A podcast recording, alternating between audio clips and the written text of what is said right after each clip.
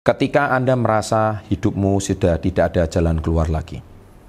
Sahabat SW30 yang saya cintai, salam hebat luar biasa. Memang saya tahu ketika kita merasa di titik paling bawah, kita berasa di titik paling berat, kita hari ini bangun pagi, seolah-olah sudah tidak ada harapan, bekerja keras sepanjang hari, jalan keluar pun sudah tidak ada, yang ada adalah masalah yang datang bertubi-tubi, entah itu masalah dari hutang, entah itu masalah dari atasan, entah itu masalah dari supplier, entah itu masalah dari teman, entah itu masalah dari kesalahan yang telah kita berbuat, seolah-olah hidup itu seperti tidak ada jalan keluar lagi. Sahabat SW30 yang saya cintai, video renungan kali ini saya buat dengan satu tujuan. Kunci dibuat itu karena ada lubang kuncinya. Jadi saya percaya masalah itu ada.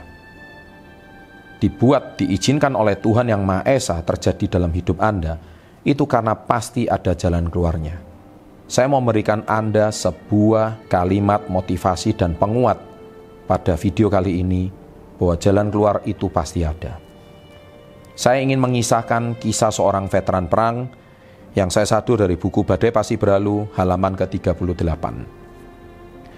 Dalam perjalanan saya ada sebuah kisah yang sangat memotivasi saya dan sebagai rasa terima kasih. Saya sungguh ingin berbagi kisah ini pada Anda. Saya yakin kisah ini mampu menginspirasi dan membuat kita tetap fokus pada impian yang ingin kita raih. Pada 1986 di kota New York, diadakan lomba maraton internasional yang diikuti oleh ribuan pelari dari berbagai penjuru dunia. Lomba ini mengambil jarak 42 km dengan trek mengelilingi kota New York. Jutaan orang dari seluruh dunia ikut menonton acara tersebut melalui televisi yang disiarkan secara langsung secara besar-besaran. Ada satu orang yang menjadi pusat perhatian di lomba tersebut. Orang itu bernama Bob Whelan. Bob adalah seorang veteran perang Amerika dia berlari, berlari, dan berlari. Tapi yang hebat, dia berlari bukan dengan kedua kakinya, tapi dia berlari dengan kedua tangannya. Mengapa dia berlari dengan kedua tangannya? Karena dia kehilangan dua kakinya karena terkena ranjau saat perang di Vietnam. Untuk berlari, Bob menggunakan kedua tangannya untuk melemparkan badannya ke depan. Begitu lomba dimulai, ribuan peserta mulai berlari secepat mungkin ke garis finish. Wajah-wajah mereka menunjukkan semangat yang kuat. Para penonton tak henti-hentinya bertepuk tangan untuk terus mendukung para pelari tersebut. 5 km telah berlalu, beberapa peserta nampak mulai kelelahan dan mulai berjalan kaki.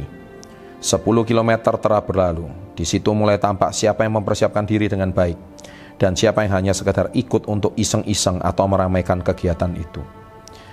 Bahkan beberapa peserta sudah nampak kelelahan. Mereka memutuskan untuk berhenti dan naik ke bus panitia. Sementara hampir seluruh peserta telah berada di kilometer kelima hingga kilometer ke-10. Bob baru saja menyelesaikan kilometer pertama. Bob berhenti sejenak, membuka kedua sarung tangan yang sudah koyak dan rusak, menggantinya dengan yang baru, dan kemudian kembali berlari dengan mengayunkan tubuhnya ke depan dengan kedua tangannya. Ayah Bob yang bersama ribuan penonton lainnya tak berhenti menyemangati. Come on Bob, come on Bob, lari terus. Kamu pasti bisa. Kamu pasti bisa Bob.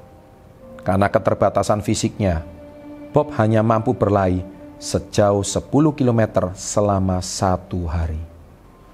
Di malam hari, Bob tidur dalam sleeping bag yang telah disiapkan oleh panitia yang mengikutinya. Bahkan lomba maraton itu sudah selesai dalam hitungan satu hari. Tapi Bob cuma mampu menyelesaikan 10 km per hari. Tak terasa akhirnya empat hari telah berlalu. Dan hari itu adalah hari kelima bagi Bob Whelan. Tinggal 2 km lagi yang harus ditempuh. Hingga suatu saat hanya tinggal 100 meter lagi dari garis finish. Bob jatuh terguling. Fisik Bob benar-benar sudah kehabisan tenaga. Bob perlahan bangkit dan membuka kedua sarung tangannya. Tangan Bob sudah terlihat berlumuran darah. Ada yang tampak mengering darahnya malah. Dokter yang mendampinginya sejenak memeriksanya dan mengatakan bahwa kondisi Bob sudah parah. Bukan karena luka di tangannya saja, tapi kondisi jantung dan pernapasan Bob yang sudah tidak memungkinkan lagi. Dia menyarankan agar Bob berhenti demi kebaikan dirinya. Bob memejamkan mata beberapa saat. Saat si dokter tentu dia pikirkan baik-baik. Dan di tengah-tengah gemuruh, suara penonton yang mendukungnya. Samar-samar Bob dapat mendengarkan suara ayah yang berteriak. Come on Bob, get up. Ayo Bob, bangkit.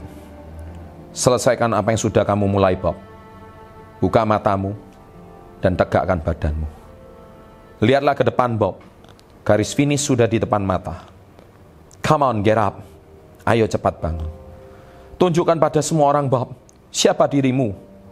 Don't give up, jangan menyerah. Get up, cepat bangkit. Pelan-pelan Bob mulai membuka matanya saat itulah matanya melihat garis finish yang sudah dekat. Semangatnya mulai membara kembali tanpa sarung tangan. Bob melompat ke depan. Ayo Bob, satu lompatan lagi. One more steps, Bob. Capailah apa yang kamu inginkan, Bob. Teriak ayahnya yang terus mendampinginya. Dan akhirnya satu lompatan terakhir, Bob membuat tubuhnya melampaui garis finish. Saat itu meledaklah gemuruh tepuk tangan dari para penonton yang berada di tempat itu. Bob bukan saja telah menyelesaikan perlombaan itu, Bob bahkan mencatatkan dirinya di Guinness Book of Record sebagai satu-satunya orang cacat yang berhasil menyelesaikan lari maraton. Beberapa saat kemudian ketika ada puluhan wartawan yang menemuinya, Bob berkata, "Saya bukan orang hebat. Anda tahu saya tidak punya kaki lagi. Saya hanya mencapai apa yang telah saya inginkan. Dan kebahagiaan yang saya dapat bukan dari apa yang saya dapatkan, tapi dari proses untuk mendapatkannya." Selama lomba, fisik saya menurun drastis. Tangan saya sudah hancur, berkeping-keping dan berdarah-darah. Tapi rasa sakit saya bukan karena luka itu.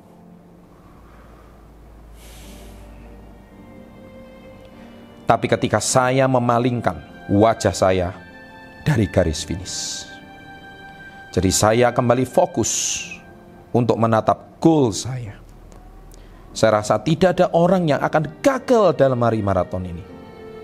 Tidak masalah Anda mencapainya dalam waktu berapa lama, asal Anda terus berlari sampai tujuan Anda telah tercapai. Disadur dari Guinness Book of World Records, Bob Willen. Sahabat SP30 yang saya cintai, mungkin Anda mendengarkan kisah ini, air mata Anda telah meleleh. Apakah Bob hari ini tidak ada jalan keluar.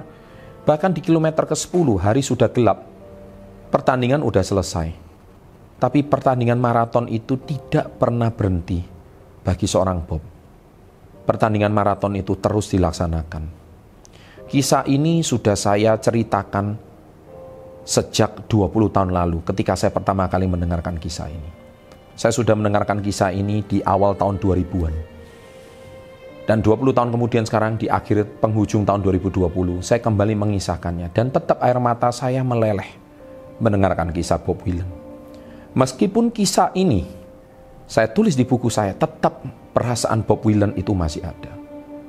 Dan untuk Anda bisa melihat dengan lebih jelas perjuangannya, Anda silakan ketik aja di YouTube. Anda bisa melihat bagaimana man with no leg, only arms, hanya dengan lengannya dia bisa menyelesaikan pertandingan dengan baik. Sampai hari ini belum ada yang memecahkan rekornya. Bagaimana seorang veteran perang tapi dia bisa menyelesaikan tugasnya dengan baik dan selesai. Sahabat SB30 yang saya cintai, kalau Anda hidup Anda sudah merasa tidak ada jalan keluar lagi, tolong renungkan kisah Bob Willen ini. Niscaya kisah Anda tidak seberat kisah beliau. Jalan keluar pasti ada. Tetap tenang, tetap bersyukur, dan jangan pernah kehilangan harapan dan putus asa. Saya doakan masalahmu segera selesai dan Anda segera menemukan jalan keluar. Sukses selalu dan salam hebat luar biasa.